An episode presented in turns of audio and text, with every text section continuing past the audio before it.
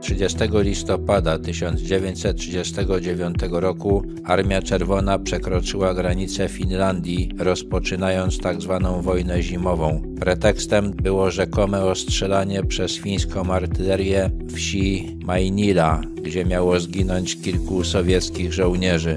W rzeczywistości chodziło o podporządkowanie Finlandii Związkowi Sowieckiemu. Już w październiku sowiecka dyplomacja domagała się od Finlandii oddania przesmyku karelskiego leżącego blisko Leningradu i wydzierżawienia półwyspu Hanko, gdzie miała powstać sowiecka baza wojskowa. Jako rekompensatę proponowano dwa razy większy obszar na północy, który był jednak zupełnie niezagospodarowany. Sowieci utworzyli marionetkowy rząd Demokratycznej Republiki Finlandii z fińskim komunistą Wilhelmem Kusinenem na czele i twierdzili, że nie prowadzą wojny z Finlandią, a jedynie pomagają rządowi Demokratycznej Republiki Finlandii uśmierzyć bunt reakcyjnych oddziałów wojskowych dowodzonych przez marszałka Karla Gustawa Mannerheima. Jednak siła fińskiego oporu zadała kłam tym twierdzeniom. Fińskie siły zbrojne liczyły 330 tysięcy żołnierzy,